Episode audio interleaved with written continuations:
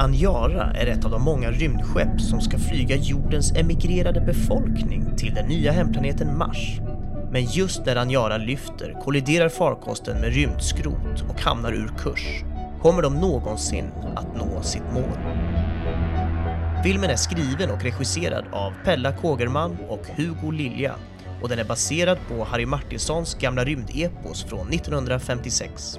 I rollerna ser vi bland andra Emily Garbers, Bianca Cruzeiro, Arvin Kananian, Anneli Martini, Jenny Silverhjelm och Emma Bromé. Filmen är en timme och 46 minuter lång, hade en budget på cirka 20 miljoner kronor och på Guldbaggegalan 2020 vann filmen hela fyra baggar för bland annat bästa regi. Idag ska vi prata om Aniara.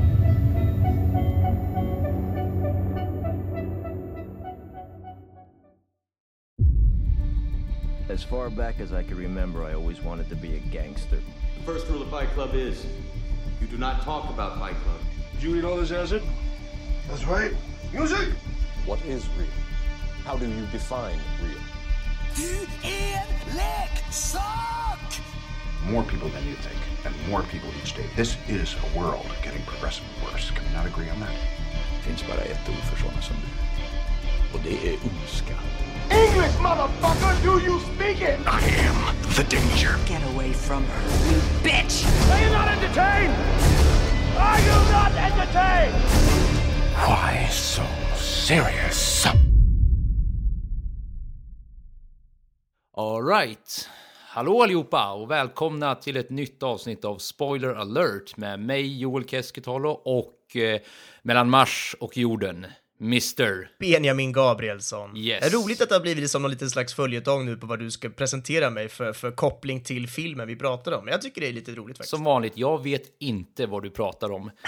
Dagens film, min vän, eh, är alltså Aniara.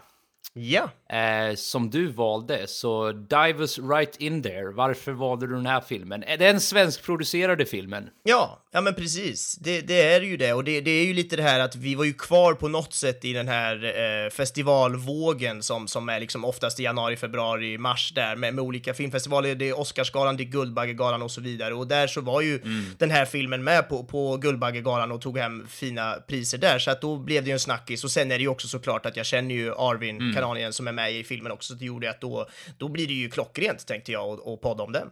Mm. Ja, kul. Och som ni vet så om ni orkar er igenom hela avsnittet så väntar det en fräsig intervju med sagda Arvin i slutet. Så stick around så att säga. Ja, det blir kul. Fräsig och fräsig vet vi inte. Det ska spelas in imorgon, så vi får se vad det blir Ja, av det. Men vi hoppas att det blir någonting i alla fall. Vad är motsatsen till fräsig? Jag vet inte ens om fräsig är ett ord. Jo, men det är ett ord. Men fräsig skulle jag säga är något lite coolt och lite vasst på något sätt. så en, en lam och, och platt, eh, osexigt kanske är motsatsen då på Ja, något sätt. ni, ni får se, eller ni får höra helt enkelt. Men eh, för det så måste ni lyssna på varenda sekund av det vi säger innan, för det går absolut inte att spola. Men, let's fucking go! Eh, spontana tankar. Ja, men börjar du då spontant? Ska jag börja med spontana tankar? Ja, men det tycker jag. Eh, alltså så här, jag blev golvad över hur mycket jag gillar den här filmen. Okej, alltså helt golvad. Jag tror det, ja, jag vet inte, jag, det kanske är de här, du vet, svensk produktion och av någon anledning, who the fuck knows why, men av någon anledning kanske man har lite lägre förhoppningar. Och sen när jag lyckades liska ut genom att läsa IMDB, vilket var ett misstag för jag brukar ju hålla mig undan sånt där, men av någon anledning så gick jag in och kollade innan. Eh, och då såg jag att det var rymdtema dessutom. Och då kanske jag blev ännu mer skeptisk, för det är så här, ah, ska, ska en svensk produktion ta sig an rymden? Och som sagt, det här är helt orimliga jävla utgångspunkter jag har, men ja, I can't help it. Det är liksom den inställningen jag tror att jag hade. Men wow, alltså, jag är så jävla imponerad eh, på så många olika plan. Eh, det finns eh, små grejer jag kan, du vet, små detaljer jag kan tycka är lite så här, äh, whatever. Men all in all, alltså wow, fy fan vad jag gillar den här filmen. Ja, vad roligt. Jag eh, känner ju också lite sådär, ja, men jag var väldigt ställd och nästan tagen direkt efter jag hade sett filmen. Mm. Eh, det var ju så mycket som hände och så, my- så mycket som jag inte förväntade mig, kanske lite som du var inne på, du vet så här, svensk Mm. film, man tänker vad, vad finns för budget, vad kan man ens uträtta i rymden med svenska budgetar? Det känns liksom omöjligt, men, Ja. men ändå så, så landade jag ändå i att jag gillade den verkligen och jag tyckte det var en jävla härlig Mm. upplevelse till slut. Ja, men gött. Då är vi ungefär på samma spår. Eller kanske inte gött, för eh, jag hörde en kompis eh, säga till mig att eh, de bästa avsnitten är ju när ni inte är överens med varandra. Ja.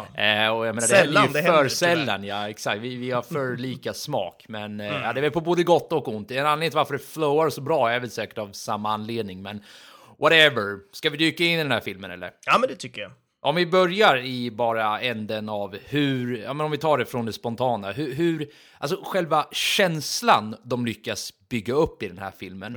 Eh, jag lägger upp den till dig sådär. Vad, vad tycker du om, alltså för, det, för när det rör sig om rymdtema och när det rör sig om liksom rymdens oändlighet och ja, allting som medföljer där, då, då känns det personligen tycker jag att stämningen och liksom tonen som filmen sätter kommer betyda väldigt mycket över om den här kommer landa rätt eller inte.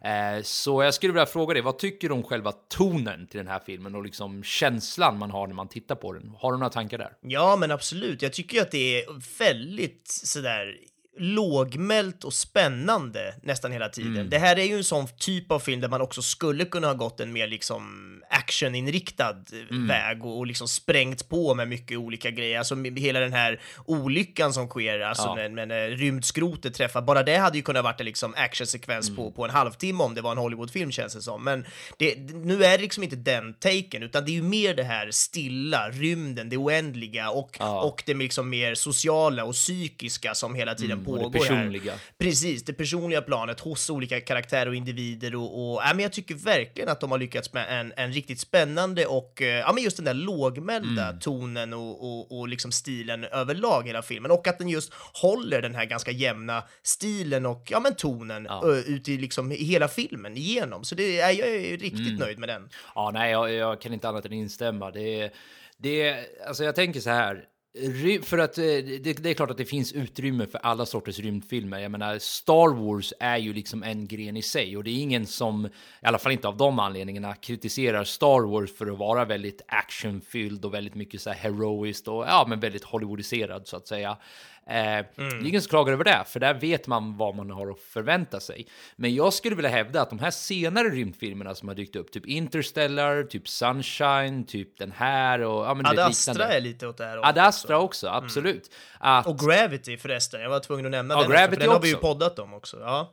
Det stämmer, precis. Ja, men alla de här, eh, exakt, de senare rymdfilmerna som du och jag har sett eller poddat om, eh, de tycker jag behandlar rymden på ett mer, vad ska man säga, trovärdigt sätt. Och då som sagt, Star Wars är ju inte, hela premissen är ju inte trovärdig. Det är ju liksom, det är ju action från början. Så det här är absolut ingen kritik mot Star Wars. Jag bara säger det att jag tror jag personligen gillar mycket mer när man går in på den här lite djupare och lite mer lågmälda aspekten av rymden. Det vill säga att de, och det här kan ju bli segway till eh, liksom en, av de större poängerna som jag tycker filmen gör väldigt bra. De existentiella, de personliga, de psykologiska, eh, alla de aspekterna som, för jag menar, när man, är, när man pratar om rymden, då pratar man, alltså, vi, vi- pratar potentiellt om infinity. Och det, det, det är så här koncept som människor inte är utvecklade att kunna hantera. Så det är den clashen där, det vill säga begränsade människor som lever en otroligt liten eh, eh, period, liksom relativt sett till rymden. Eh, när de begränsade människorna nu ska utforska det här oändliga, eh, att då utforska liksom, beröringspunkten mellan de två premisserna tycker jag funkar mycket bättre när det är just det här lågmälda, personliga, inzoomade, nästan lite mörka ibland, ärligt talat. Eh, och, och tragiskt också, men på något sätt är det till och med bortom allt det där. Det är liksom bortom mänskliga känslor överhuvudtaget. Det handlar liksom bara om det oförståeliga som rymden eh, på något sätt eh, representerar. Och det är därför jag tycker det är nice när man då får ihop det här i en lite mer lågmäld, lite mer som sagt melankolisk, dyster, eh, space ambient, whatever. Eh, så jag är, det är säkert därför jag i grund och botten blev så golvad, för jag blev golvad redan de 5-10 första minuterna. Eh, för jag tyckte jag, jag identifierade den här eh, känslan, eller jag, jag fick den här känslan inom mig av att shit, det känns verkligen nu som vi är i rymden, hur, vad det är, liksom en innebär psykologiskt. Ja. Så låt mig passa en till till dig. Eh, om vi tar då det.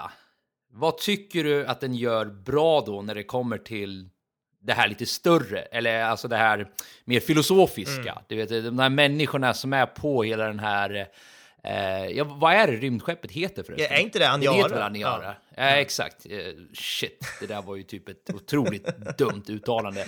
Jag visste ju det egentligen, jag var bara tvungen att run it Ja, det by Så att, okej. För det var ju också, ja, ja, det var ju också den här uh, AI-figuren som också är, den heter väl Mima någonting, men hon heter väl också Mima, så vad, vad är det den heter? Ja, men den du heter väl Mi, Miman, eller Mima.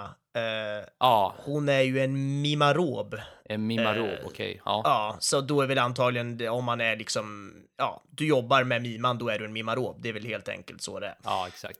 Så, eh, om, det, om du får ta över lite här nu då. De lite mer psykologiska, filosofiska, de här djupa känslorna hos de här passagerarna. Vad, vad finns att säga där? Ja, men det är ju faktiskt en sak som jag uppskattar kanske nästan mest med hela den här filmen, är just hur den behandlar ja, men ämnet med, som vi har varit inne på nu, den lilla människan i den oändliga rymden. Alltså hur vi som människor påverkas av en sån här helt jävla otrolig katastrof som det ändå är. Ja. Jag menar, efter den här olyckan så får vi direkt se hur, hur vissa människor, ja men hur alla människor på olika sätt fungerar. Det är liksom panik, det är ångest, det är ilska, det är självmord och så vidare. Och det är ju precis som den här ilskan som man känner igen, till exempel idag från eh, ja, men en flygplats eller någonting. Du vet att någon skäller ut en stackars flygvärdinna för att deras plan är inställt, fast Ja, det absolut precis. inte är flygvärdinnans fel överhuvudtaget. Men det är ju så vi fungerar och där finns det ju den här igenkännelsefaktorn som jag tycker de har fått med här eh, väldigt snyggt.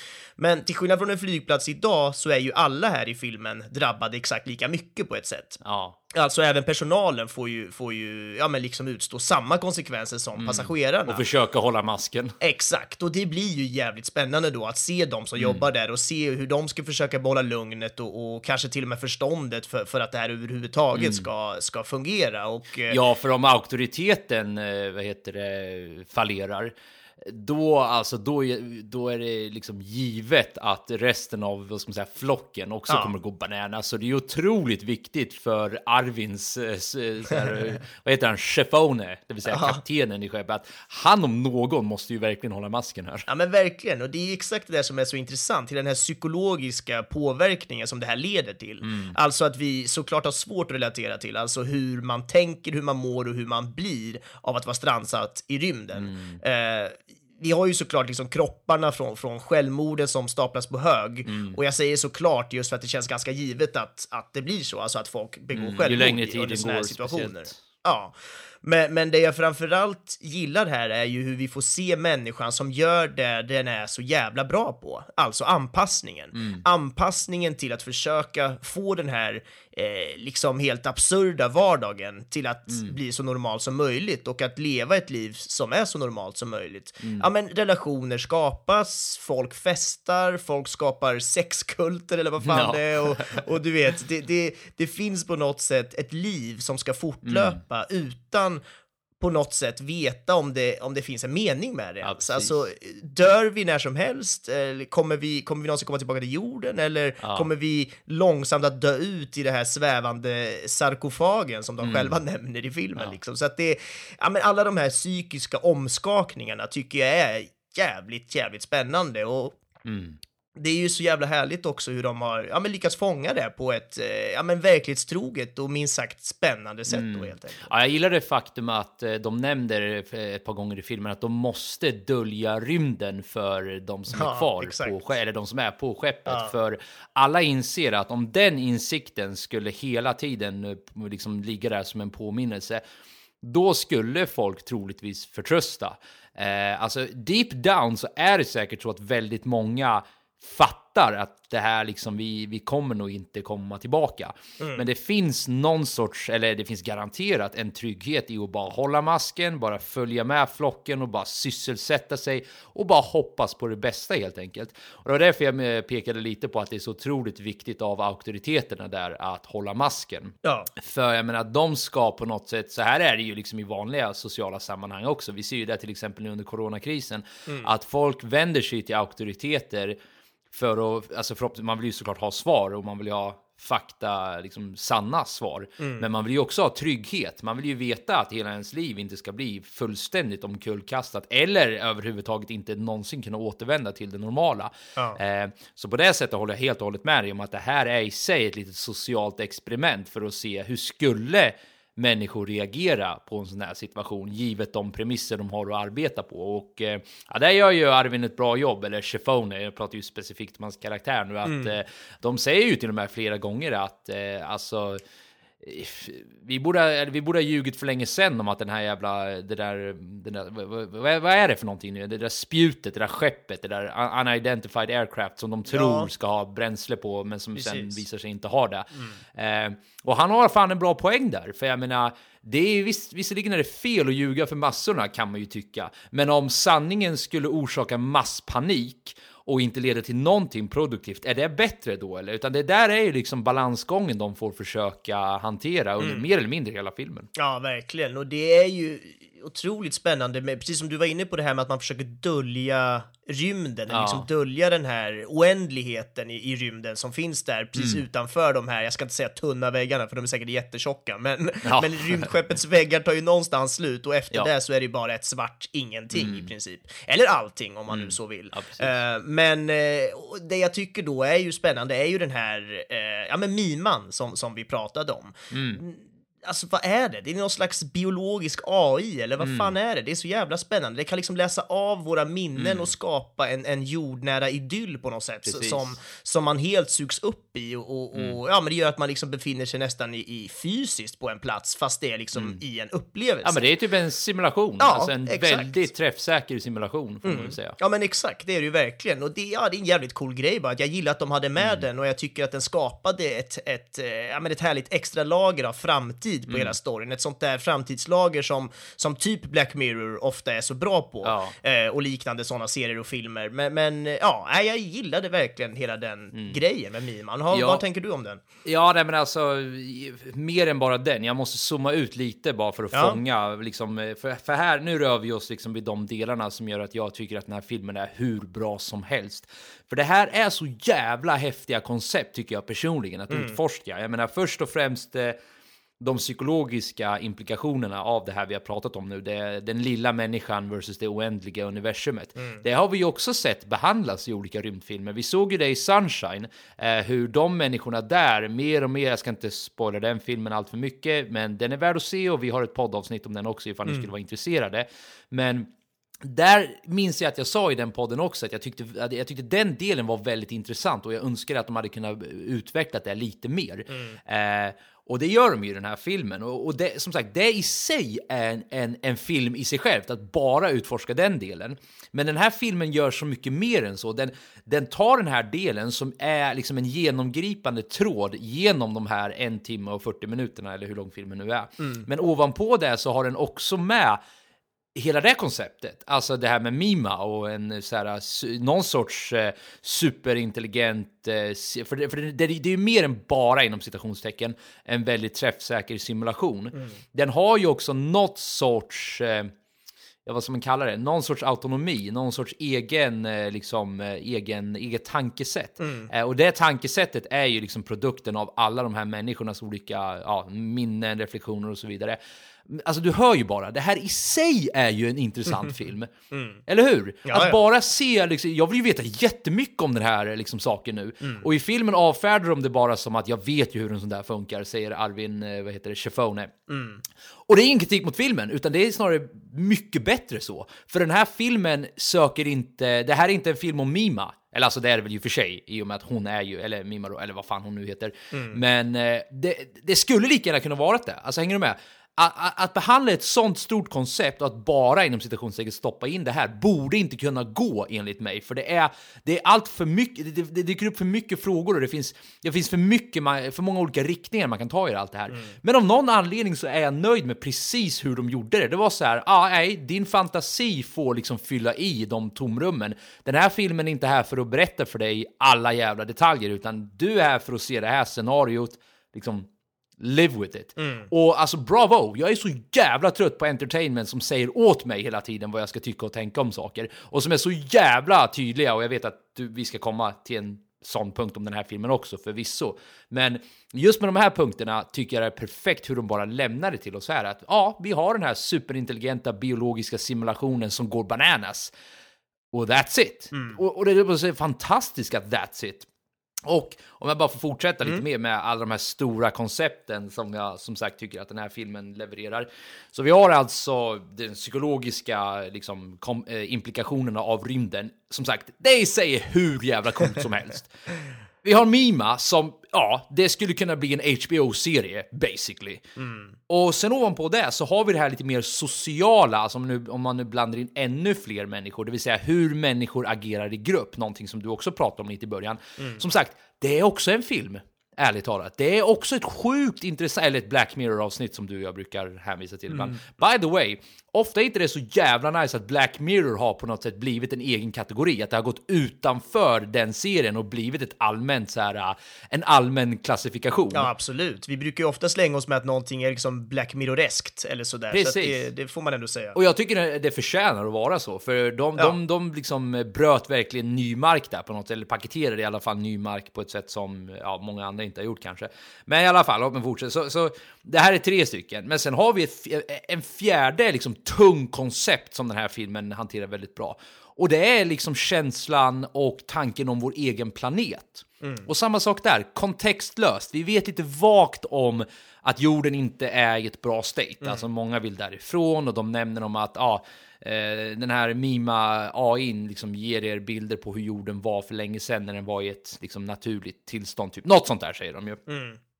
Och det i sig, återigen, här har vi också en intressant film.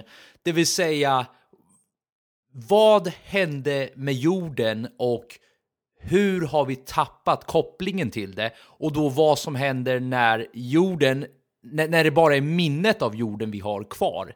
Eh, för, och, och, och liksom uppskattningen man får då av det många kanske tar för givet. Och jag vet att här är ju du väldigt aktiv. Du är ju väldigt mycket miljömedveten, mycket mer än vad jag är, ska ändå erkännas. Så jag kan verkligen tänka mig att det går verkligen igång för dig när du tänker på de här grejerna. Men jag bara säger det in terms of, eh, eller liksom for the purpose of den här podden. Så det är ett fjärde intressant, eh, intressant aspekt. Enda kritik, och, och jag kan säkert gräva upp en femte och en sjätte, för som sagt, det finns jättemycket liksom grenar av alla de här koncepten vi har pratat om nu som man skulle kunna liksom diskutera. Men det enda kritiken jag har mot den här filmen, liksom i kontext av alla de här vi har pratat om, det är att den är lite för kort, ärligt talat. Jag hade velat haft, alltså jag hade gärna velat haft tre timmar av det här, don't get me wrong. Jag, jag, hade lätt, jag, hade, jag, jag, tänkte faktiskt på det här lite. Jag hade inte velat ha en serie för det här, i alla fall inte liksom den svenskproducerade typen av det. Kanske någon amerikansk version. Jag, vet- jag vet inte varför, jag bara kände att, det, och här kanske det är mina egna biases igen som spökar, men jag bara säger det att Ja, I mitt huvud så, så funkar det inte riktigt med en serie i hur jag ser på allt det här. Men jag hade gärna sett den någon timme eller 30 minuter längre. Bara för att fortsätta, ja men precis som den gör egentligen. Jag har inget specifikt ställe där jag skulle vilja ha, du vet, 10 minuter mer av det där och 20 minuter mer av det där. Utan jag tycker den balanserar det här så pass bra, så lite mer av allting egentligen.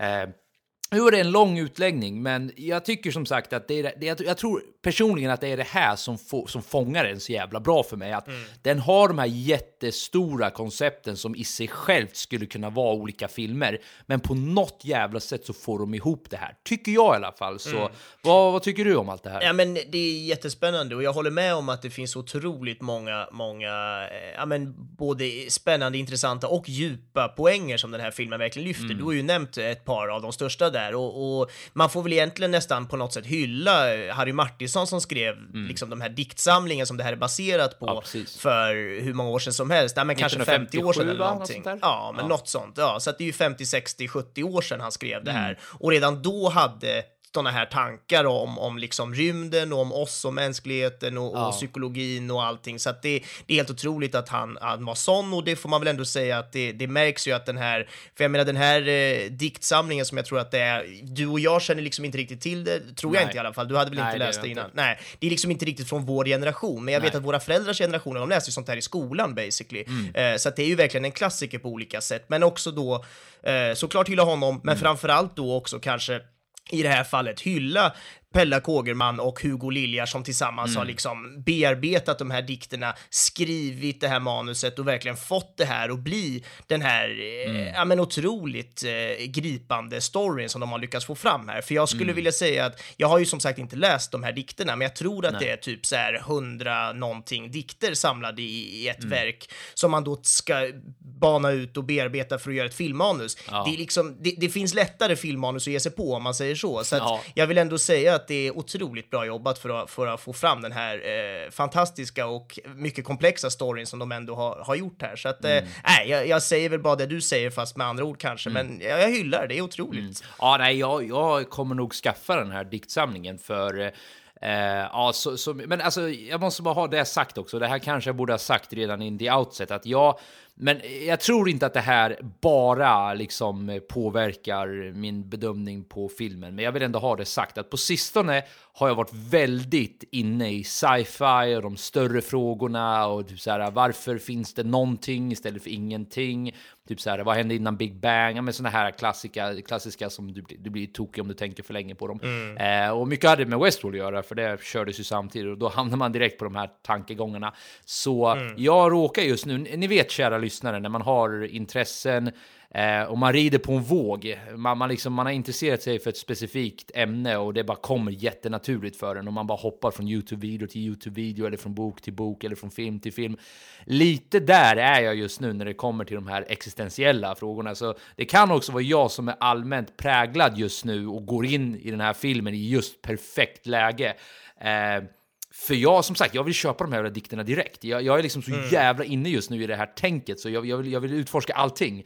Eh, så, eh, ja, nej, men helt, du har helt rätt. Vi pratade ju lite i förra avsnittet om, om det här med att man ska vara mottaglig och i rätt mode för en viss typ av film. Och antagligen då så är ju du i perfekt jävla mode och mottaglighet för just den här filmen nu då. Så att det, det kanske är ytterligare en faktor som gjorde att den träffade så jävla rätt på dig då, Ja. vilket är svinkul Det såklart. kan ju vara det, för jag satt ju sen och funderade Utan efter. att ta bort någonting från filmen såklart. Precis, exakt. Det är det jag ville komma till, balansen här emellan. För jag satt sen och funderade, och jag, jag funderar fortfarande ärligt talat på Gillar jag den verkligen så här mycket?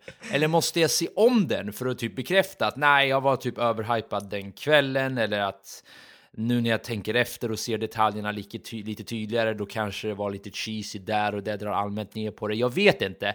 Eh, jag är snarare mer benägen att behålla den här känslan jag har nu än att liksom övergranska mina egna känslor och försöka se om, ja, om det är filmen eller om det är jag. Jag tror väl att det är en mix däremellan, men nej, nej, nej, jag vill absolut inte att något ska tas ifrån eh, filmskaparna, utan jag, jag tycker legit att de, de fick ihop det otroligt bra. Ja, nej men jag håller verkligen med och bara för att lägga till en liten sådär kritik då, eh, Mm. Bara för att, och du nämnde ju också en liten kritik, din kritik var ju att den var för kort, så det var egentligen den mest positiva kritiken Mm, ja, jag har, jag har få. några små grejer också, men... Ja. eh, Nej, men, men det, finns ju alltid saker man kan hitta i alla filmer som, som man antingen inte stör sig Absolut. på eller, eller som man inte är nöjd med och så vidare. Men om jag ska plocka fram något här då så var det Mm. att jag, ja, men jag tänkte väl att det kanske var lite tydligt på, på ett par ställen, Mm. alltså snudd på övertydligt i vissa av dialogerna och i liksom Mm. karaktärernas, eh, ja men karaktärsutvecklingen. Och jag har ju Ja. precis nyss hyllade ju liksom hela karaktärsutvecklingen och uppskattade ju, ja men just det här överlag, hur, hur de har lyckats med det. Men att jag ibland bara kände att det kanske var lite tydligt. Det hade kanske räckt Mm. med någon mer metaforisk bild eller situation istället för att det hela tiden ska förklaras och sägas exakt i dialogerna. Men Mm. ja, jag kanske gräver för mycket detaljer nu, jag vet inte. Men var det någonting du tänkte på överhuvudtaget? Eller? Nej, men alltså jag är med dig där till stor del. Alltså en anledning, det var en sån scen som jag först tyckte var övertydlig, men sen som jag sen faktiskt ändrade mig. Mm. Eh, och eh, det var den där scenen när hon, astronomen, det vill säga hon som har... eh, Hon som delade hytt har- med huvudkaraktären. Precis, exakt hon. När hon är ju väldigt övertydlig får man ju säga. Det här, hennes liknelse med, jag tror det är, en, det är väl ett glas vatten hon har och bubblan som står basically still här i mitten. Jag vill att du föreställer det, eh, att det är oss och du vet, resten av glaset är universum och så vidare. Den tyckte jag först var snudd på det du pratar om. Men sen började jag reflektera lite och så tänkte jag, nej, det där är fan en av de bättre liksom, liknelserna jag har sett när det kommer till rymdfilmer. Och det fick mig att tänka ett steg längre. Eh, har du tänkt på att när, när, när det är såna här rymdfilmer så får man ju ofta se hur eh, farkosten liksom åker framåt. Ja, eller hur? som i den här filmen Man, man, man får ju se, exakt, och i, i, heter det, inklusive den här filmen, i alla rymdfilmer mer eller mindre, så rör det ju på sig. Det jag hade velat faktiskt, och det här blir väl minikritiken då, det är att de stod för vad de själva säger. Eh, det vill säga, hon, hon gör liknelsen om att ja, rymden är så stort så att om du tittar på den här bubblan, det ser ut som att den står still, men den rör sig faktiskt otroligt långsamt. Så förr eller senare kommer den komma till andra änden av glaset. Det jag, och, nu vill jag ställa frågan till dig också, och ni kära lyssnare får väl fundera på det här. Hur coolt vore det inte om rymdskeppet bara stod still hela tiden? Alltså det ser ju, alltså det, det står ju inte still, för det åker ju otroligt fort. Men den liknelsen har vi ju redan fått hela tiden. Alltså vi, vi, vet ju, ja, ja, det, den åker framåt och det ser ut som att det går fort från vårt perspektiv och så vidare. Jag tycker det vore häftigare med en film där kameraarbetet gjorde det så pass att rymdskeppet bara stod still. Alltså det står bara still hela tiden. Sen, sen då och då kommer det liksom kanske någon, någon liten debris eller man får se att någonting rör sig på skeppet eller att det, det finns någonting då och då i alla fall som ger oss eh, så här, en indication på att jorden rör sig. Ju. Eh, men det tror jag personligen, det vill säga om den hade stått helt still, eller som sagt, det ser ut som att den står helt still. Det tror jag förmedlar det här budskapet av rymdens oändlighet mycket bättre än om att det ser ut som att den rör sig framåt. För då tänker man ändå, ja, förr eller senare kommer man ju fram. Men en bättre slutsats hade ju varit det att nej, nej, nej, det är basically som att vi står still. Så stort är allting. Vad, vad, har du några tankar om just den lilla, vad heter Jo, spaningen? men absolut. Jag tycker det är jätteintressant och det är precis som du säger, det där hade kunnat blivit en av de coolaste liksom takesen på, på rymd Mm. och liksom rymdfilmer överhuvudtaget. Jag minns ju när vi, jag tror det är Interstellar där du och jag i alla fall tänkte på första gången hur de utnyttjar tystnad i rymden på ett sätt som inte hade gjort Mm. Precis. så mycket förut i alla fall. Eh, även Nej. i Gravity använder de det jättemycket, men att det är liksom knäpptyst. Du ser stora explosioner och allting, men det är knäpptyst och den effekten blir ju så extremt slående och talande för vad det är faktiskt vi upplever just nu, det vill säga vakuum och rymden och liksom ingenting på ett sätt. Och här skulle det ju kunna ha blivit en lika genial touch om man hade eller gjort så att rymdskeppet stod helt still, så att jag är helt med dig. Eh, för det enda man ser Alltså, man ser någonting som rör sig så rör det sig ju i relation till någonting annat. Ja. Och i det här fallet blir det i relation till kameran. Alltså kameran Ja, är utanför precis. Mm. skeppet och åker skeppet förbi kameran. Eh, så att jag är helt med på att det hade kunnat funka. Det kan även vara så att de har funderat på det och bara nej, det, då ser det ut som att Mm. du vet att, att, att, att de har gått på grund eller någonting, att de står helt still Mm. och att det inte alls får samma effekt. Vad vet jag? Men jag är helt med dig på att det hade varit otroligt intressant att utforska det Ja, området. för där skulle man ju kunna, förlåt att jag avbryter dig där nu, men där skulle man ju kunna klippa då till astronomens förklaring att det känns, eh, ja, du borde observera den här bubblan nu, Mm. att den rör sig, men det går så pass långsamt så det ser ut som att vi står still. Och sen pang, klipper man scenen efter och då ser man på skeppet att, ja, nej, nej, nej, vi har inte stått still hela tiden. Det ser bara ut som att den står still. Mm. Och då kanske det landar mer av att yikes, det är så illa alltså. Mm. Eh, men ja, det, det är bara en liten, liten förslag. Att jag tyckte det var lite av en miss och ju mer, ju mer jag tänker på det nu medan vi diskuterar det, desto mer inser jag att det hade kunnat blivit eh, de hade kunnat bli, vad säger man, pioneers? Ja, pionjärer. Eh, ja, inför, inför det. Nu, nu kanske jag övertänker det, men eh, du, du förstår i alla Ja, fall vad det är jag fiskar efter. Och jag är helt med dig. Och det hade varit intressant att testa. Vi får väl eh, eh, spara den idén tills vi gör en egen rymdfilm Mm. kanske, vad vet jag. Nej, men jag ville också kommentera på det här du sa med, med den, Mm. den eh, repliken, eller vad det är, den med bubblan i glaset och hela Mm. den grejen. För den är ju en av de här som man skulle kunna, precis som du var inne på, eh, tycka är lite väl tydlig och övertydlig. Ja. Men jag tror att den är jag ganska Mm. säker på är till exempel en rad ur en av de här dikterna som han har Ah. skrivit för liksom 60-70 år sedan. Så att Harry att få Martinsson var redan på det här spåret, vilket är helt otroligt då att han liksom har suttit och tänkt på det. Eller helt otroligt, herregud, det fanns väl eh,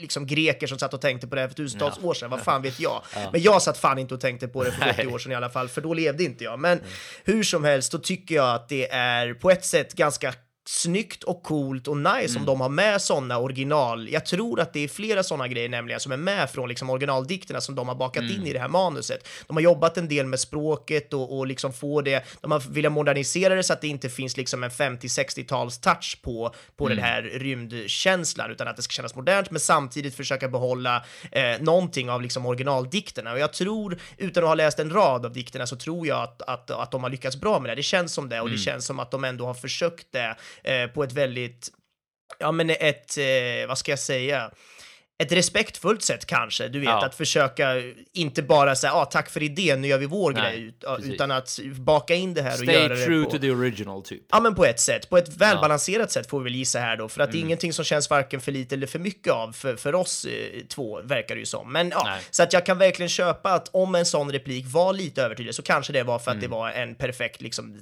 del av den här dikten. Och ja, jag, det var väl egentligen bara det jag skulle säga kanske. Mm, Men jag skulle vilja återbesöka då lite av kritiken, för nu, nu blev det ju så att jag nästan drog bort oss därifrån genom att först lyfta upp en grej som jag först tyckte var lite övertydlig, men sen vända det till att nej, det var ganska bra. Ja. Jag är bara lite nyfiken. Är det några specifika scener du tänker på, eller tänker du allmänt att det dyker upp lite då och då, att det är liksom, ja, det här var lite så här, ja, okej, we get it, typ, eller vad, vad känner du? där? Ja, men lite så. Jag har väl egentligen ingen, ingen sån, sånt exempel i huvudet. Jag är så dålig på att minnas sånt om jag inte sitter indirekt med, med anteckningar och sådär. Men, men, Mm. eh, ja, men överlag så kändes det som att ibland så kunde vi kanske ha skippat någon replik, kanske göra det med en blick istället. Mm. Mycket i de här relationerna, kanske inte de här djupaste, djupaste frågorna om, om rymdens oändlighet, utan kanske snarare i de här lite, lite mer eh, enklare, ska jag väl inte säga, för det är väl Mm. jättekomplext det också, men liksom relationerna och det psykiska mellan personerna eh, på skeppet och hur de mår och, Mm. och, och hela den biten, att där kanske man hade kunnat skippa någon dialog och gjort det med någon Mm. bild eller någon, någon händelse snarare än liksom jag är arg. Nu var det inte det de sa, men du förstår Mm, vad jag nej, menar. jag att ja. Show don't tell kanske i vissa fall. Mm. Ehm, men, men återigen, väldigt liten kritik som jag inte alls tycker är någonting bärande för filmen. Det är ingenting som drar ner liksom, någon slags helhetsbetyg för mig heller, utan det är mer om jag nu ska sitta här på någon slags hög häst och tycka saker i en filmpodd Mm. så nämner jag ändå det där. Ja, och eh, kan vi fylla på lite där att eh, eh, anledningen till varför jag frågar är också för att jag, jag förstår vad det är för känsla du pratar om. Vi brukar ju ibland prata om saker som kan ta en ur filmen, eh, det vill säga att man ena stunden är ju nästan in the zone när det kommer till filmen. Man är så inne i filmen att eh, man glömmer bort att man tittar på en film.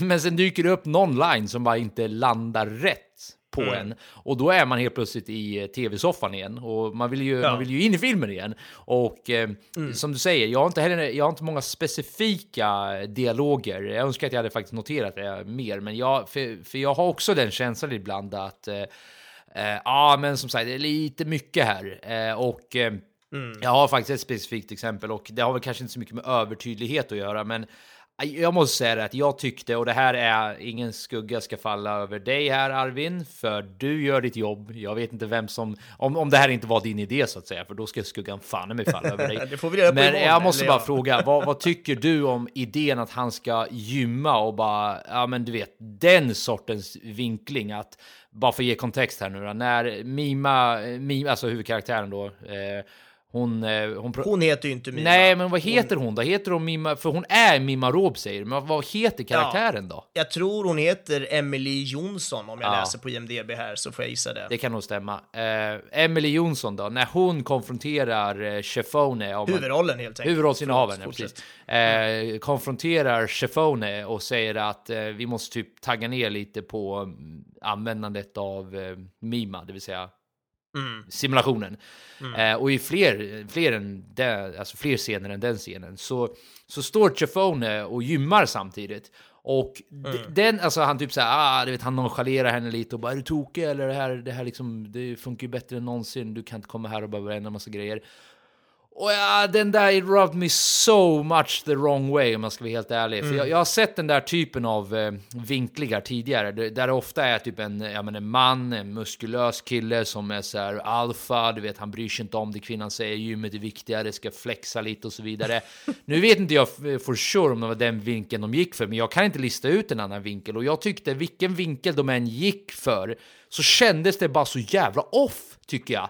Eh, och nu låter det som att jag gör en mycket större grej av det här än vad jag egentligen menar. Det, det, Mm. Och det gör jag för lite effekt också för att ändå lyfta upp någonting som är, som är värt att liksom Ja, lyfta. absolut. Men jag måste bara fråga dig, var, var det någonting du tänkte på som fick dig att reagera så här? Eller var du ganska fine med det? Eller, vad, eller hur tänker du? Nej, men jag är helt med på ditt spår. Jag vet inte om, jag, eller så här, jag satt inte och tänkte på det lika mycket under filmen Nej. jag satt inte och störde mig på det riktigt så mycket. Jag satt snarare faktiskt och tänkte på Arvin, hur mycket han gymmade. Ja. Gjorde han den där stå på händer-rörelsen rörelsen själv eller hur fan, Ja. liksom, så här, var det någon stunt? Men det kommer jag fråga om i intervjun, Mm, för det, det är jag nyfiken på.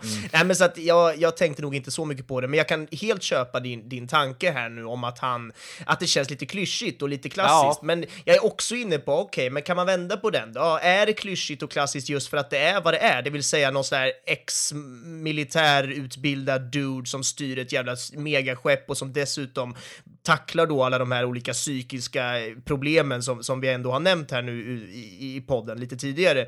Och att han då ska försöka behålla någonstans lugn och vad gör man då? Jo, man går och gymmar för att det är ett skönt sätt att stimulera sig själv på och bla bla bla. Alltså jag skulle kunna köpa det också samtidigt som jag verkligen hör vad du säger om man säger Ja. så. Nej, det här är ju bara för att lyfta upp ett exempel på vad som kan ta mig ur en film. Mm. Eh, och eh, av någon anledning så, som du säger, det går alltid att dra en positiv vinkel till det och se att jo, men alltså det är ju inte helt, det är ju inte orimligt liksom. Alltså, Nej. det är klart att det kan ske på det där sättet, det är inga konstigheter. Det var väl någonting bara att eh, jag tyckte att det kändes off på något sätt. Mm. Det blev lite som att den, den tonen jag, du och jag precis hyllade om hur mörkt och hur seriöst och hur ja, djupt och allt det där var, Mm. eh, den ifrågasattes lite när det blev lite löjligt för mig, ärligt Ja, talat. Eh, men det kan också vara en personlig quirk, det köper jag absolut. Men jag, jag tycker ändå det var någonting, det var ändå någonting som drog ner det för mig lite. Inte Mm. signifikant, men ändå någonting som så här, ah, could have done without that, Mm. you know? Ja men absolut, jag, jag, jag, köper verkligen den grejen. Och jag tänker att det är mycket sånt, för det var massa sådana små, små, små saker som jag också ibland hängde upp mig på och tänkte ah, Mm. kunde vi inte ha skippat den där, I don't know, repliken eller den där rörelsen, eller skulle den personen verkligen gå dit, du vet någon statist som gör något konstigt, och där tänker vi jag väl allmänt Mm. att man, man får tänka att det är liksom en väldigt låg budget för att göra en sån här enorm produktion. Och jag kommer in på det mer på det tekniska, men Ja, ja, så att det finns ju mycket sånt som jag tror man hade kunnat slipat bort om det fanns mer tid och pengar helt enkelt. Vi rör oss vidare lite tycker jag. Mm. Eh, jag har bara eh, en snabb fråga nu innan vi rör oss mot eh, ditt favoritämne, Mm. det vill säga det tekniska. Eh, och det här är väl lite tekniska, fast vi brukar inte tänka på det på det sättet. Men det faktum att filmen var uppdelad i akter, Ja. finns det någonting att säga om det? Ja, men jag tyckte det var jättenice. Jag menar, det, det passade ju bra här eftersom vi skulle på något sätt ge en förtydligande bild över när, när och var vi be, befann oss. Liksom, Mm. Var det ett år eller fem miljoner år som har gått från att filmen startade? Det kunde, Ja. det kunde ändå vara vettigt för oss att förstå det. Så att jag, jag gillade den eh, grejen. Så Mm. vad tänkte du? Ja, jag tycker också det var fantastiskt. Jag Mm. tycker det generellt att filmer som vågar använda sig av på det här sättet har en hel del att tjäna på. Eh, jag tycker att det komprimerar storytellingen på ett sätt som gör att man får in mycket mer än vad man annars kanske inte hade fått in. Eh, det vill säga, den här aktuppdelningen sätter ju ofta en sorts kontext på, okej, nu har det gått tre år det säger en del i sig självt. Alltså utan att gå för djupt in på, du vet, man behöver inte snabbspola de tre åren, man behöver inte se utvecklingen av de tre åren, utan man kan själva dra slutsatsen vad som skulle hända efter tre år. Eller man kan åtminstone förstå att shit, okej, nu, nu när vi har sett den här texten då, att ja, tre år senare eller något sånt där, då förstår vi redan innan vi har dykt in eh, att okej, shit is about to get real här. Eh, tre år, alltså låt det sjunka in ett tag. Det är ändå lång tid. Och eh, som sagt, att då lägga upp det i en akt gör ju att eh, för det första så, lite det vi har pratat om tidigare, det gör ju att man har mer utrymme att hantera alla de här grejerna. För genom det här aktsystemet så blir det ju, ja men alla de här blir ju så, för, så här, nu kommer det låta lite motsägelsefullt vad jag säger, för å ena sidan så säger jag att allting är ju sammankopplat såklart. Det är röda trådar som som eh, liksom rinner igenom hela filmen. Men å andra sidan så de här akterna är ju också lite separata tankeexperiment slash eh, scenarier man ställer fram sig i. Och eh, jag tror också att mycket, man tjänar väldigt mycket på eh, när det är rymdfilmer eller när det är lite de här stora frågorna och eh, ja, men speciellt i den här filmen när de just vill utforska det här vi pratade om förut, det här psykologin bakom tid och rymd och allt det där. Eh, jag frågar mig, jag ställer mig dock frågande till vilka filmer där akter inte skulle passat. För jag vet garanterat att det finns många sådana där jag skulle sagt att nej, nej, nej, akt funkade inte alls bra i det här. Men det finns vissa filmer där temat är på ett visst sätt, eller tonen är på ett visst sätt, eller liksom eh, ämnet de hanterar är på ett visst sätt, där akt nästan är nödvändigt och bara blir en jävligt nice addition. Och eh, jag måste säga det, jag fick gåshud av många av de här eh, liksom aktnamnen så att säga. Eh, särskilt den i slutet, alltså den fick att känna på ett sätt som, ja men som sagt, de här, de här tankarna, de här intellektuellt flörtande tankarna av ingenting och alltet och varför finns vi och allt det där.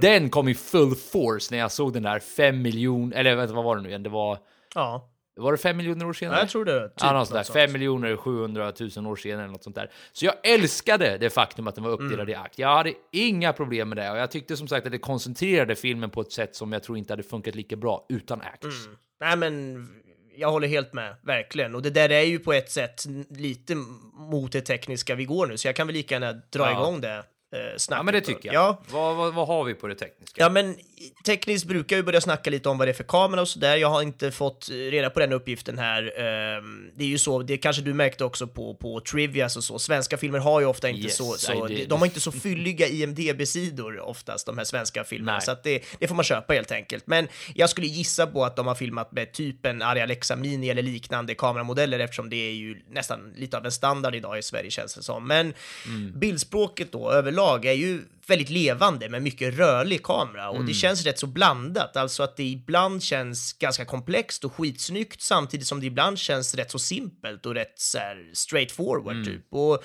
eh, jag gissar att de använt en hel del easy rig här, alltså där kameran känns, den känns handhållen men, men att de då har monterat den på, på en operatör som gör att det, det, man får det här härliga levande skaket Mm. men att bilden samtidigt eh, ja, ändå är kontrollerad av, av kameraoperatören. Så att det, ja, men jag tycker att det är minst sagt väldigt vackert. Eh, Det som jag egentligen saknade lite i, i helheten av det här kameraspråket var några sådana här schyssta dollyåkningar, alltså när kameran sitter på en räls och åker åt något håll.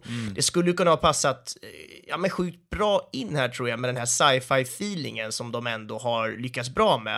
Eh, Men att det just skulle ha förstärkts då av såna här mer statiska och linjära rörelser som, som en sån dollyåkning skulle kunna eh, framföra. Men Antingen så, så ville de ju inte alls jobba så här med tanke på att de har det här mer dansanta stilen som de har valt. Eller så är det helt enkelt en budgetfråga för att ja, det kostar ju mycket mer att bygga upp massa kamerarälsar och skit Såklart. sådär. Så att det, det kan ju vara en sån grej också. Men det är just det här, vi får liksom inte glömma bort hur jävla låg budget den här filmen är i jämförelse med andra filmer som är ja men sci-fi filmer framförallt som vi nästan alltid matas av från typ USA. Ja. Där det är liksom så mycket mer i budget. Jag tänker jag ska trycka lite till på det här. Det är ju ungefär 20 miljoner kronor i budget som de har haft eh, i den här filmen. Eh, kronor då vill jag vara tydlig Ja. med och för- förtydliga så att ingen tror att det är eh, dollar som vi ofta pratar om. Men det är ju liksom ganska låg budget med tanke på vad filmen har för manus och ambitioner, eh, även i svenska mått mätt. Inte låg budget i svenska mått mätt, men ändå inte liksom sinnessjukt högt heller i svenska mått mätt, får man ändå lägga till här. Filmerna vi ofta ser i den här genren som går på bio, alltså typ Star Wars, Avengers, Ad Astra och så vidare, ehm, Ja, men de gör ju av med liksom Anjaras budget på en lunchrast när de inte filmar. Så att man får ju ändå ha det på något sätt i relation här när man ändå sitter och jämför. För det är klart att vi inte sitter på riktigt och tänker så där hade de inte gjort i Star Wars. Nej. Men vi har ändå nämnt såna här filmer. Det är ändå i den världen. Man kommer oundvikligen att dra olika paralleller och jämförelser för att det är det här det där andra som vi alltid liksom eh, tittar på i vanliga fall. Så att, ja, jag menar helt enkelt att det är helt fantastiskt vad de ändå lyckats skapa här. De har ju varit smarta när det kommer till till exempel locations, det vill säga att de spelar in på, på, på Mall of Scandinavia till exempel, alla de här coola eh, scenerna där, där det ser så himla futuristiskt ut. Det är oftast inspelat på Mall of Scandinavia då, som är en nybyggd galleria i, i, i Solna utanför Stockholm. Och Ja. de har även varit en del på Finlandsfärjor och filmat de här lite mer hytt, hyttscenerna och sådär. Så att istället för att bygga upp massa stora påkostade studios så har man ju liksom använt eh, befintliga locations på det här sättet och det, det är ju smart. Men jag menar, det är ju ändå liksom många skådespelare skådespelare, det är statister, det är stora lokaler som ska ljussättas och det är en hel del häftig CGI dessutom. Mm. Så, så utgifter finns det ju såklart gott om. Men jävla vad bra jag tycker ändå att de har lyckats med, med den här helheten. Alltså filmen är ju skitsnygg. Mm. Absolut. Nästintill perfekta locations, underbart foto, Mm. en helt otroligt spännande musik och ljudläggning också som jag Ja. tycker är, ja, men helt fantastiskt. Och tillsammans då så är det en jävla helhet som gör att det här ändå känns otroligt trovärdigt. Mm. Och eh, som jag nämnde lite snabbt där, jag vill bara understryka det också, ja, men helt fantastisk CGI, alltså så sjukt Ja. snygga bilder och scener på det här rymdskeppet eh, som kanske borde ha stått still då om vi ska dra Ja, den exakt. punkten som du var inne på. Ja, men alltså bara hur snyggt det är och den här lysande jorden och den mörka oändliga rymden. Nej, Mm. otroligt jävla snyggt är det helt enkelt. Så överlag så känner jag väl faktiskt att det här är fantastiskt välarbetat rent tekniskt och det är ju Mm. det som verkligen, ja, men jag vill ge en stor eloge till alla som har jobbat med det här för jag vet hur, hur, hur begränsade man är i tid och budget Mm. på svenska produktioner och lägg till då att man ska göra någon slags rymdepos med, med, med låga budgetar. Ja, men det är Mm. svinsvårt så jag är verkligen, ja, rent ut sagt imponerad. Mm. Det är vad jag. Det är två saker jag skulle vilja eh, påpeka om det du nyss sa, eller en fråga och ett påpekande. Mm. Och eh, det första påpekandet är att eh, jag tyckte att det kändes som att de filmade ganska nära ansiktena också. Det var väldigt många gånger då Mm. det var väldigt, eh, väldigt närliggande så att säga. Närbilder. Närbilder, ja, precis. Och eh, jag tyckte, jag började reflektera över det allmänt och mycket, vi har ju pratat också och framförallt jag har ju sagt eller refererat till den väldigt mycket. Jag har blivit mycket bättre på den, men Mr. Robot, som jag Ja, nu var det några avsnitt sen du nämnde det ändå. Nu var det några avsnitt sen, ja precis. Men där brukade vi prata om hur... TV-serier hur- som- Dels är de... ifall någon inte TV-serier, ja. precis. Eh, sjukt värd att se och så vidare. Mr. Robot. Eh, där brukar vi prata om hur karaktärerna där, dels är de ju ganska långt åt sidorna. Ibland är de ju typ halvvägs utanför kameran. Mm. Eh, men de är ju också väldigt inzoomade där också. Och eh, det fick mig att tänka på det versus motsatsen. Och då blev i mitt huvud då, som vanligt, blev ju Hollywood det bästa counterexemplet. Eh, och då började jag tänka på hur mycket mer intimt det känns när man är så mycket närmre. Det känns nästan som att man är personen ibland.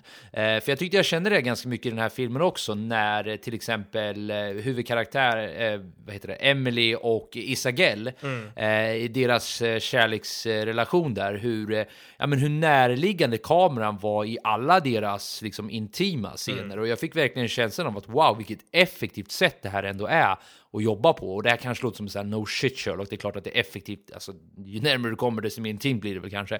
Men jag vill ändå ha det sagt att jag, jag tycker det är en fin jävla touch och det är det som också för mig in på min fråga till dig. Eh, och det var kanske någonting vi också borde tagit i början, för vi har ju poddat nu om en hel del icke-Hollywood-filmer så att säga. Spansk produktion, sydkoreansk produktion, nu svensk produktion. Och då tidigare så har jag ju ställt frågan till dig, vad har vi på X-produktion? Eh, Så jag skulle bara vilja fråga lite snabbt utan att gå in allt för djupt på det, men vad har vi på svensk produktion? Ha, alltså, finns det någonting att säga om det? Någon speciell prägel eller någonting? För eh, ja, jag känner mig hopplöst, eh, vad heter det, som hopplöst lite kunskap här. Mm, ja men absolut, det fi- finns, skulle ju säkert gå att- plocka fram hur många dammiga skolböcker som helst nu av all, all Ja. filmhistoria jag har läst på. Nej men så att det, något slags kortfattat svar på det är väl egentligen att vi har väl liksom hela den europeiska stilen överlag på film är ju nästan Mm. den som man oftast jämför med amerikansk film. Att det är liksom oftast amerikansk och, och europeisk som står mot varandra som de två stora filmmakterna på något sätt, i alla fall när det kommer till stilar. Och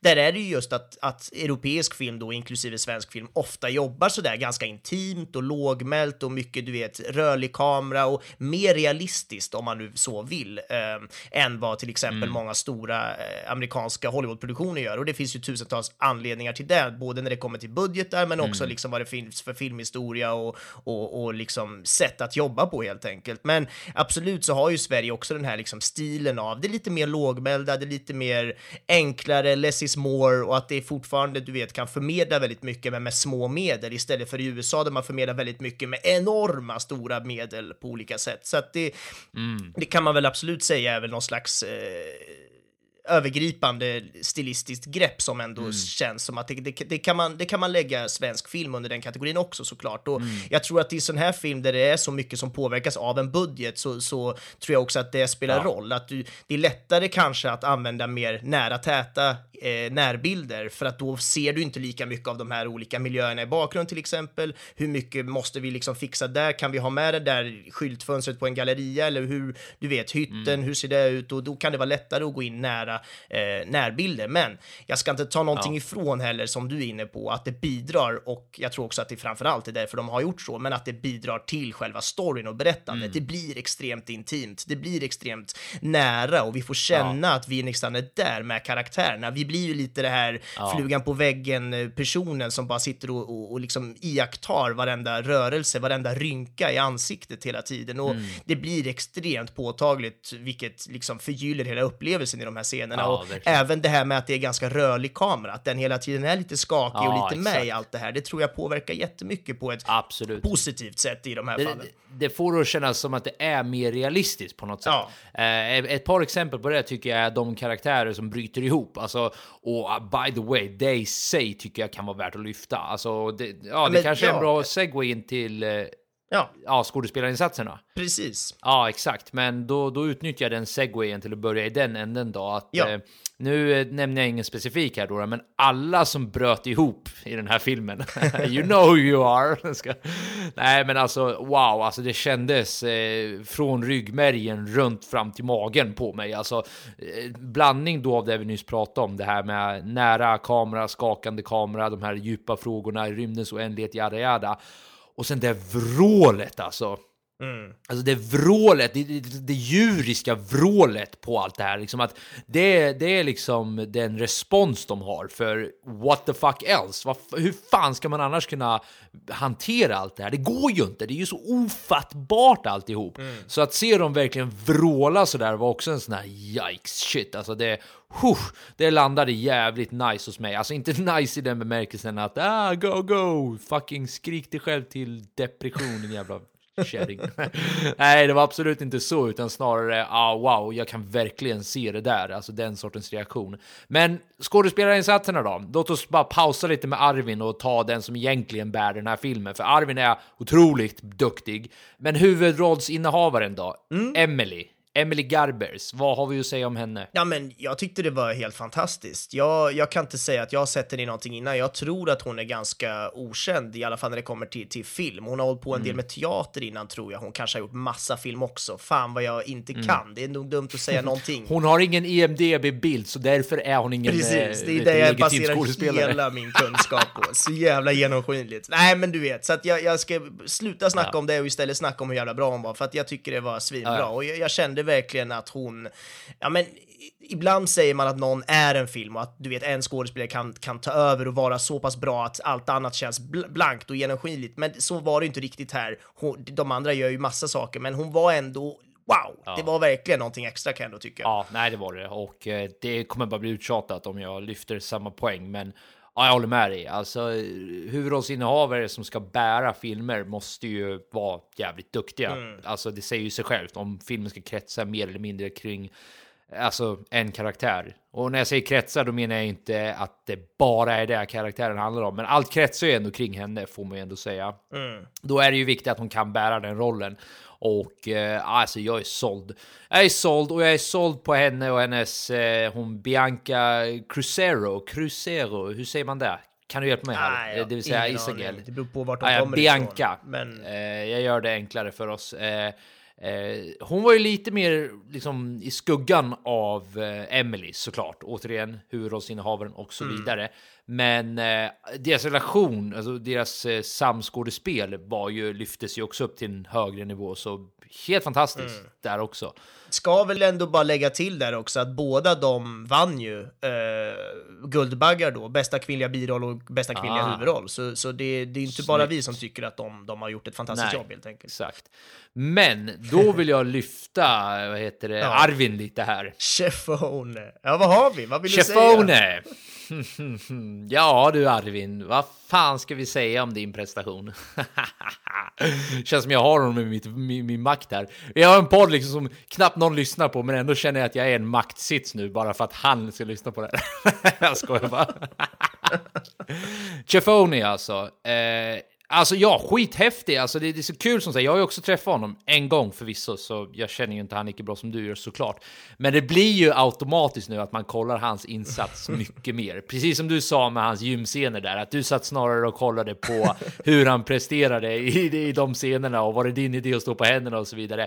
Det blir ju liksom så och eh, hans, man får ju ändå säga det att hans roll var ju ganska, eller hans karaktär var ju ganska enformig. Och eh, i den bemärkelsen att han hade ju en tydlig roll. Han var ju kaptenen på skeppet och han skulle hålla lugnet och man skulle liksom, ja, det, hans ord gäller och så vidare. Men trots det så var det ju ändå kul att se hans förändringar också genom allt det här. Och då pratar jag inte bara om den sexiga skäggutväxten, den var nice också. men, men jag tycker man ser bakom ögonen på honom och liksom i ansiktskonturerna och när han blir gråare, han blir tystare, han blir lite mer lågmäld och allt det där. Att man ser att det här tär ju på honom också såklart, för han inser ju också mer och mer att shit, det här kommer ju gå käpprätt. Det enda jag det jag tycker och det jag satt och väntade på men tyvärr aldrig fick, det var att eh, Arvin också skulle freaka ut på riktigt. Eh, för nu kände jag lite som att han bar en ganska enformig roll eh, och gjorde det väldigt bra. Jag har alltså, nu vill jag verkligen ha det sagt, jag menar det legit. Det här är inget asslicking, utan jag tycker att jag, jag har ingenting liksom att anmärka på. Utom det faktum att jag istället för att se hans eh, vrist liksom uppskuren, för det var ju liksom deras sätt att visa att ja, Chefone håller också på att breaka nu. Istället för att se det, eller kanske som ett tillägg på det, så hade jag hellre sett till exempel en dialog mellan han och Emelies karaktär, alltså huvudkaraktärs, eh, ja, huvudrollsinnehavaren. Att när, äh, ta till, föreställ en dialog mellan de två där de typ, eh, och typ eh, ja, men hur är det då? Kommer vi komma härifrån eller kommer vi kunna vända? Och han försöker hålla sitt lugn, han försöker hålla sitt lugn. Ja, vi håller på att kolla på det här. Men säg bara sanningen, kommer vi komma härifrån? Och där skulle jag gärna vilja sett Arvin bara, jag vet inte! Och du vet, bara totalt flippa ut. Och du vet, där kommer äntligen hans existentiella ångest också upp. Du vet, den här kaptenen som har försökt att hålla det här från början. Du vet, så här, jag måste hålla mig lugn och trygg, annars kommer allt det här gå åt helvete. Att få se en sån scen skulle betyda så mycket tror jag för den karaktären, men det hade också varit jävligt häftigt att se Arvin liksom stretcha sin, eh, sitt skådespeleri till den punkten. Eh, jag tyckte det var lite synd att en sån scen inte lades fram mot honom, för jag antar att han inte, han skrev inte manuset så han bestämde ju inte det.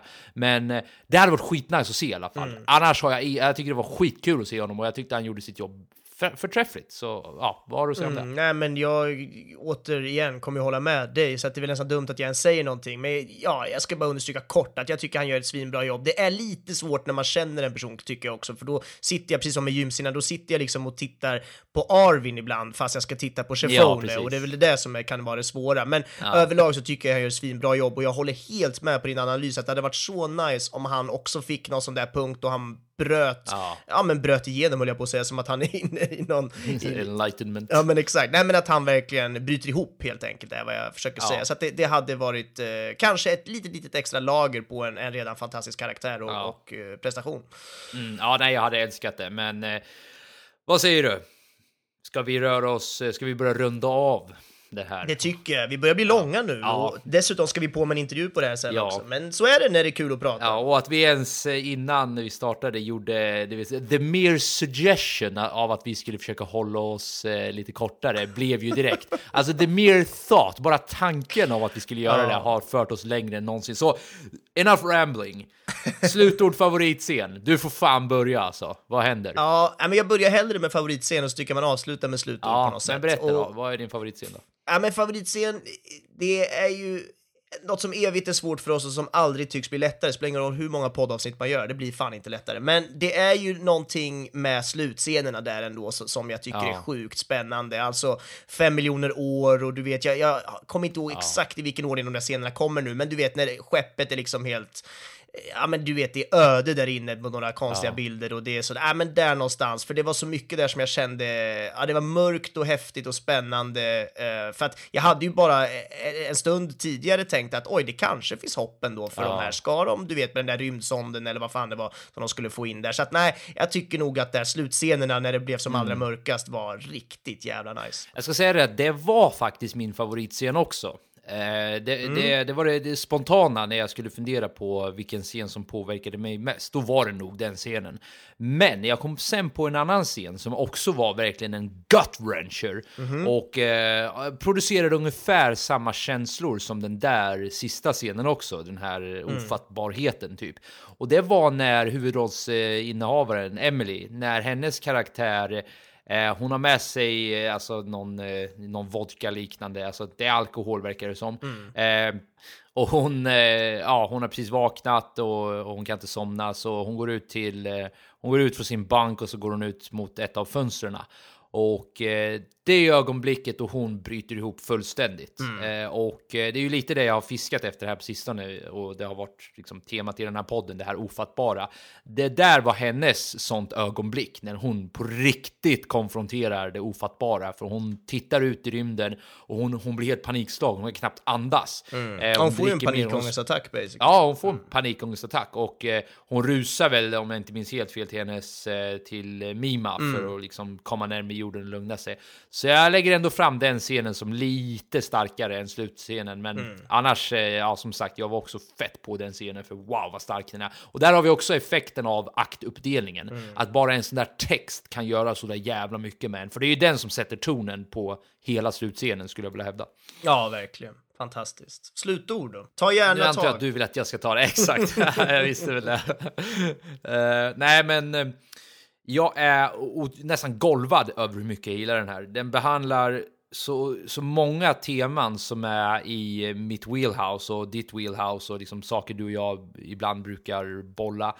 Och eh, att den är en svensk produktion gör det lite bättre till och med, för det lyckades på något sätt överbevisa för mig, alltså ingen genomtänkt fördom jag har, utan bara någon känsla att svenska, svenskproducerade filmer kommer inte kunna leverera på den här arenan. Eh, så jag är otroligt glad att jag blev eh, motbevisad och eh, jag tyckte jättemycket om den här filmen. Ja, gud vad roligt. Det, det gläder mig att höra att du är så positiv som du är, för det hade jag ingen aning om. Det är jätteroligt att du känner så. Jag känner ju mer eller mindre samma sak. Jag tror inte att jag riktigt tycker om den lika mycket som du gör, men jag tycker verkligen om den och, och den har växt på mig nu under det här samtalet, som det så ofta gör när vi sitter och pratar om det. Så att, Ja, eh, så det nej, men det, är- det är härligt. Jag ska inte återupprepa, du sa väldigt fint där.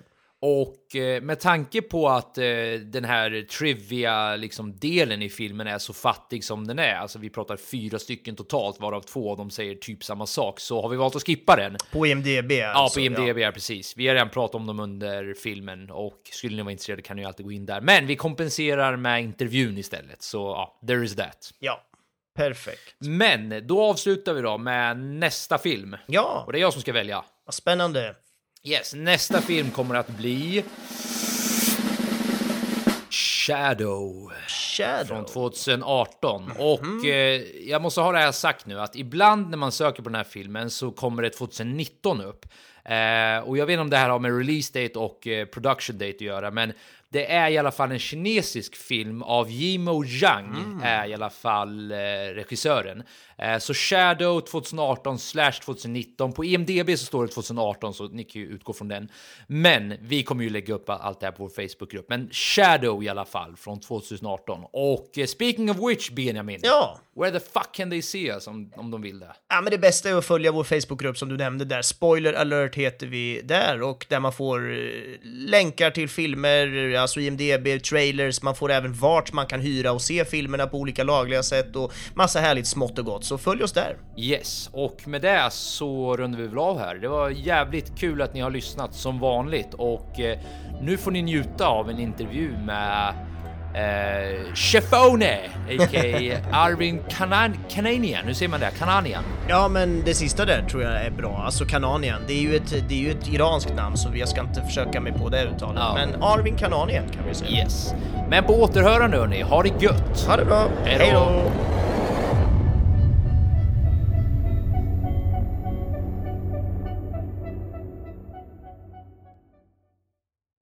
Då sitter jag här med Arvin Kananien och eh, ska göra en liten intervju här om filmen Aniara. Eh, jag kan väl börja med att fråga hur du kom in på det här projektet. Um, ja, bra fråga. Eh, jag eh, hjälpte till med castingen faktiskt från början. Jag eh, känner Hugo Pella, regissörerna, sen, sen tidigare och eh, jag skulle hjälpa till bara och, och casta de större rollerna. Och så hade vi faktiskt problem med, med, med en specifik scen hos kaptenen som vi provfilmade. Och så var, höll vi på och provfilmade massa människor och så var just en scen som vi inte liksom hittade liksom ingången till och vi kunde aldrig få dem att prestera. Och sen så val, bestämde vi för att eh, testa den, vi liksom, där jag spelar kaptenen så vi bara testade lite olika approaches eller vad man ska, eh, så att så vi kunde bestämma hur man, hur man ska göra scenen ehm, i provfilmningar. Och, och, och då började vi leka med den och då föddes idén hos dem. Eller nej, inte hos dem, hos eh, Pella. Att ha mig som kapten, att testa mig som kaptenen. Hugo och jag var helt emot det. Eh, för vi tyckte jag var alldeles för ung, men hon tjatade på. Och sen så provfilmade jag och sen callback och jag tyckte en helt annan, jag borde inte nämna namn, en helt annan skådis, en jätteduktig skådis skulle ha rollen. Ehm, men sen så var de på att jag skulle prova. Så blev det så. Ja, men vad kul. Ehm, filmen är ju baserad på Harry Martinsons gamla diktsamling och det känns som att de, ja, det måste ha varit en enorm jävla process här att tolka det här dikterna och skriva ett manus. Vad kände du när du läste manuset första gången? Ja, det första jag kände när jag läste manuset var att jag bara älskade det. Jag kom in i det direkt. Det var så många karaktärer, tyckte jag, men att jag ändå kände för varje karaktär blev jag överraskad av. Ehm, sen så var, bestämde jag mig för att läsa boken. Och jag kan säga att jag hade inte fattat ett skit av boken om jag inte hade läst manuset typ fyra gånger innan. Um, men manuset var, jag, jag kände verkligen att de hade tolkat den här boken så, så, så fint. Um, kanske lite för fint för att det var, blev för många karaktärer i slutändan att få ihop i klippningen. Liksom. Okej. Ehm, du nämner klippningen där lite som en grej, för jag har förstått det som att du var med och hade en hand med i klippningen. Uh, berätta lite. Ja, precis. De, de, det var, vad var det, sommaren 2017 kanske som, som Hugo Pella ville att jag skulle kolla på en version och de hade lite panik för att den inte var så där de ville att den skulle vara. Och så hade jag några idéer. ehm, och så jag gick igenom hela filmen scen för scen och tog hur mycket anteckningar som helst. Sen satte vi oss i en fyra fem dagars klippstuga och testade oss fram. Ehm, och ja, gjorde en liten ny version som sen blev en ny version som sen blev en ny version och sen så gjorde vi omtagningar på vissa grejer, eller inte omtagningar men vi gjorde lite um, vad heter kompletteringar eh, och så. Um, ja, sen blev det den filmen vi ser. Ja, vad kul att du fick ha en hand med i det här spelet också. Ehm, hur var det att jobba med regissörerna Pelle och Hugo? Du nämnde att du känner dem lite sedan tidigare och kanske har jobbat med dem tidigare också, men eh, hur var det? Berätta lite. Ja, jag känner dem sen tidigare, jag har jobbat med dem lite sen tidigare Um, och, och det var väldigt bekvämt och kul. Alltså jag känner mig väldigt, väldigt bekväm med dem och, jag, och, jag, och, och vi har en, en fin vänskap som gör att jag känner mig väldigt, eh, jag känner mycket tillit, jag känner mig trygg i, i deras regi liksom. Um, Sen var ju det här en väldigt stressig och teknisk inspelning. Alltså stressig för att det var lågbudget sci-fi. Alltså, den budgeten vi hade för att göra en sci-fi film var ja, obefintlig. Så att det gjorde ju att det blev lite stressigt på plats, det blev lite tekniskt. Man kanske inte hade tid att göra allt man ville. Eh, men de, som tur var var de ju två också. Och de var väldigt samkörda. Eh, så man kunde, man kunde alltid få någon att bolla med liksom. Om den andra var stressad med annat, om det kom till eh, foto eller scenografi eller någonting. Eh, Så kunde man alltid bolla med någon av dem, vilket var skönt. Um, Kapten Chifone som, som du spelar, är det så man uttalar det? Chifone? Jag vet inte, jag säger Kapten Chifone. Chifone. Ja. men det är bra. Det är ju en svensk film, så absolut. Chifone. Ehm, det är ju en rätt så mörk karaktär, stundtals i alla fall. Hur förberedde du dig för rollen och var det svårt att gå in och ur karaktär? Ehm, jag förberedde, så här, i, i boken finns det en hel sida som bara beskriver Kapten Chifone och det är typ det mör- de, am- Harry Martinsson beskriver honom som det mörkaste. Ehm, jag läste det och sen diskuterade jag, bollade med Hugo Pella om vad han hade för bakgrund etc. Ehm, och kom fram till att han hade en bakgrund in, i, i militären. Ehm, och hade blivit inkallad i det här krisläget på jorden. Ehm, för att eh, ja, kapten, var, jobba som kapten på Aniara då. Ehm, så jag förberedde mig genom att ehm, göra militärövning i 6-7 veckor eh, där jag, hos svenska försvaret där jag skuggade en löjtnant, eh, löjtnant Joakim Tunnefjord. Där jag fick vara med ute och göra helt galna övningar med försvaret och fick eh, eh, ja, men ver- verkligen se hur de jobbar och hur han är som befälhavare. Eller vad det kallas, heter det så? Om han är väl typ någon, någon form av befälhavare, jag kan inte det där lingot. Men eh, fick se hur han arbetade, vilket verkligen hjälpte mig i, i, i många av scenerna i Aniara. Speciellt i krislägen. ehm, när jag skulle liksom ge orders på ett väldigt lugnt och bestämt sätt. Ehm, och sen alltså, fick jag göra helt sjuka saker också. Det var kul. Jag fick skjuta sådana här liksom, granatkastarvapen och bazookas. Låter livsfarligt. Det var, det, det, kände, det var både balt och lite kliché. om jag får vara helt ärlig. Ja, så det gjorde jag. Och sen så höll jag på och övade som fan för den här övningen där jag, där jag eh, skulle stå på händer. Ja, i den vad här- kul. För jag har nämligen det som en fråga. För det är en imponerande move du gör där. Och jag tänkte helt enkelt, är det du som gör den själv eller? Alltså för lite kontext här. Du går från någon slags handstående position på, på golvet, liggande position, upp på händer helt enkelt. Exakt, jag står liksom, det kallar, jag tror det kallas en calisthenics-övning. Jag, jag står liksom på händer, har benen ut, rakt ut som ett L eller vad man ska kalla det. Och sen går jag bakåt upp och står på benen. Och ja, jag gör det, det är jag som gör det i filmen. Och det, det var roligt för jag åt, eh, på tal om det där jag snackade om förut, den här scenen vi inte visste hur vi skulle, vi skulle göra, kaptenscenen. Det var just den scenen. Och då var det Pella, vi, de visste att jag höll på och övade på den där övningen, jag hade övat på den där, på den där grejen i ett år. Då var det någon som sa, någon av dem som var så här, men vänta nu. Den repliken vi har haft så jävla svårt för. Jag minns inte vad det är. Typ så här, vi, jo, vi har skapat vår egna lilla planet, säger han. Vi hade så jävla svårt för den repliken, det var just den. Vi tar den på händer. så det, då blev det liksom, okej, nu måste jag öva som fan på den här. Jag hade två månader på mig att liksom eh, kunna göra den och kunna ta en replik i den.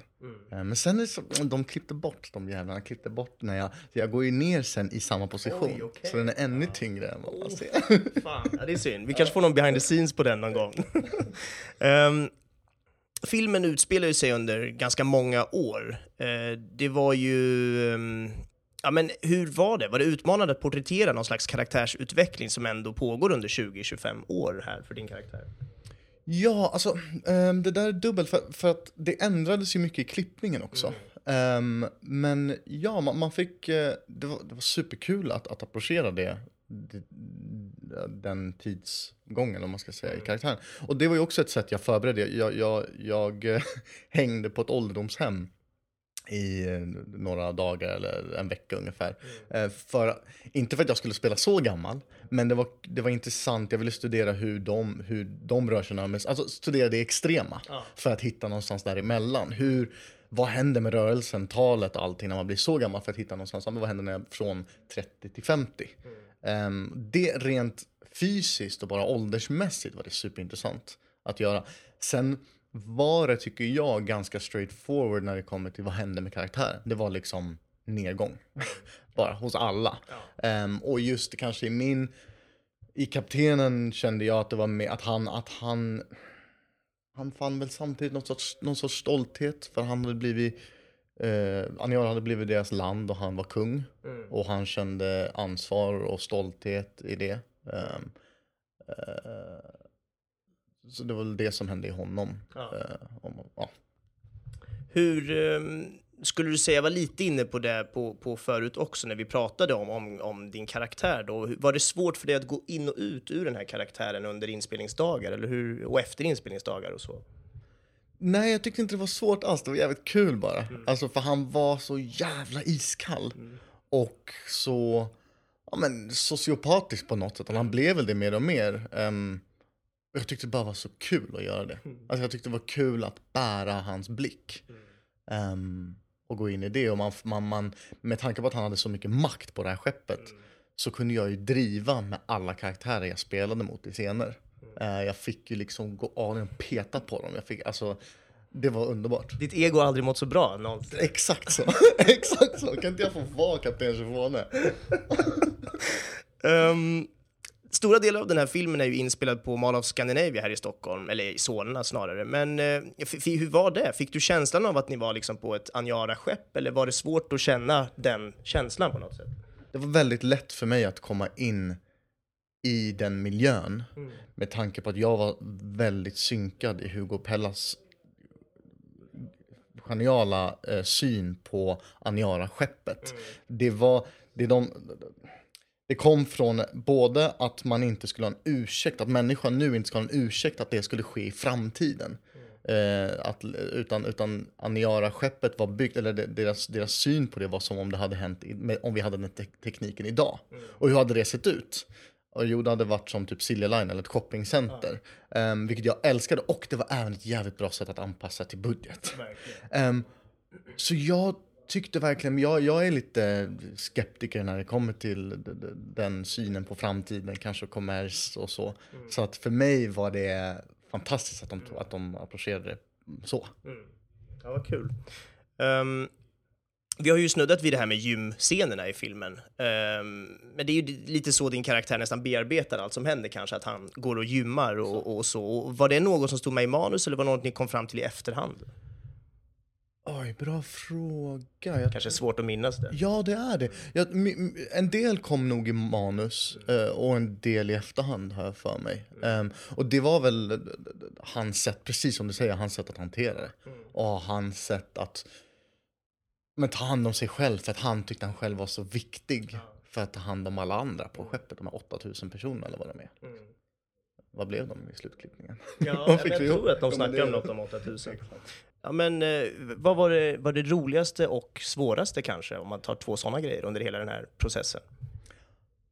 Alltså, jag, kan, jag vet inte, hela jävla processen var så jävla rolig och hela jävla processen var så jävla svår. alltså, ehm, jag, så här, inspelningen var väl inte så svår för då hade jag bara kul. Och då, jag hade ju sett fram emot det hur länge som helst. Så jag hade drömt om den här rollen hur länge som helst. Och innan det hade jag inte vågat drömma om den, ens när jag drömt om den. Ehm, så det var bara så jävla kul när vi filmade. Sen var en annan både rolig och svår process var när vi satt och klippte tillsammans, eller när, var, när vi satt i klippstugan som vi kallade det. Det var superroligt och väldigt känsloladdat på något sätt. För att vi alla brydde oss så sjukt mycket om våra, alla val som skulle tas. Och, och alla tyckte olika ibland och man fick argumentera för och emot. Och det var, det var väldigt intimt och kul och tufft. Kan tänka mig. Ehm, hur ser det ut för dig här kommande period? Det är ju en så kallad coronakris nu så, som vi alla går igenom. Påverkar det dig och, och dina jobb eller hur ser det ut? Ja, det har påverkat mig och mina jobb. Ehm, de- Det mesta jag liksom skulle ha filmat nu under våren har skjutits upp till hösten och nu eh, ska ett projekt tas upp nu i juni igen. Ehm, men annars tycker jag liksom, jag har haft tur, det har inte påverkat mig så mycket. Jag har jobbat på ehm, och varit ledig och tagit det lugnt också. Ja. Skönt. Ehm, jag vet att du höll på lite med ett projekt med Ruben Östlunds nya film, där du skulle bland annat spela mot eh, Woody Harrelson, om jag inte minns fel. Hur gick det? Ehm, det, det har vi inte eh, filmat än. Det är just det som ska tas upp i juni nu verkar det som. Ehm, det är inte helt säkert. Så jag har inte haft mina scener mot honom. Jag, börjar, jag gör en liten roll i, Ruben Östlunds film Triangle of Sadness. Och där har jag ett par scener med Woody Harrelson. Så vi tog, jag hade några inspelningsdagar nu i mars. Och sen förhoppningsvis blir det nu i juni. Då jag får spela mot honom och hålla coronaavstånd. Ja, Det är det sä- sämsta sättet man får spela med en av sina liksom, idoler. Så Coronaavstånd. Ja. Roligt. Har du några andra kommande projekt och så som du kan dela med dig av? Ehm, ja, jag ska filma en uh, sjukt ball, galen ehm, film som heter Magisterlekarna eh, i eh, oktober blir det förmodligen. Ehm, regi av Ylva Forner och, och producerad av eh, Sofia Ferguson. Och den är, ja det ska bli jävligt kul. Det är en, en extremt galen miljö. Det är liksom ett eh, allt utspelar sig på ett stort läroverk eh, där alla är eh, killar och alla är gay. Och det är liksom en superförhöjd stämning. Det är liksom som en gayskola eller vad man ska kalla Alltså det, det, där, där det finns liksom hyenorna och olika grupper som liksom, alltså eh, det ska bli kul. Det ska bli väldigt kul. Det låter väldigt kul. Ehm, ja, men det var väl egentligen allt. Bara som liten sån treat. Skulle det, finns det något kul du kan tipsa om? Vad kollar du på? Finns det något riktigt så, det där måste folk se? Alltså, eh, shit, det här kommer låta pretto, men just nu har jag, här, jag tror att det är corona, men jag har en period där jag kollar mycket dokumentär och jag håller mig till dokumentär en hel del. Men, och jag, jag, en bok som heter The Tiger av ehm, John Valent, tror jag heter. Och sen kolla på Sasha Snows dokumentär som handlar om samma sak, ehm, som heter Conflict Tiger var något av de bästa upplevelserna jag haft på länge när det kommer till liksom, om en, jag vet inte, böcker, film. Och sen kolla på den gamla fantastiska som jag har sett typ fyra, fem gånger nu, den där Sigur dokumentären, Heima. Vill jag rekommendera. Fet. Ja, men det uppskattar vi. Tack så mycket Arvin, så hörs vi framöver. Tack så mycket, tack själv.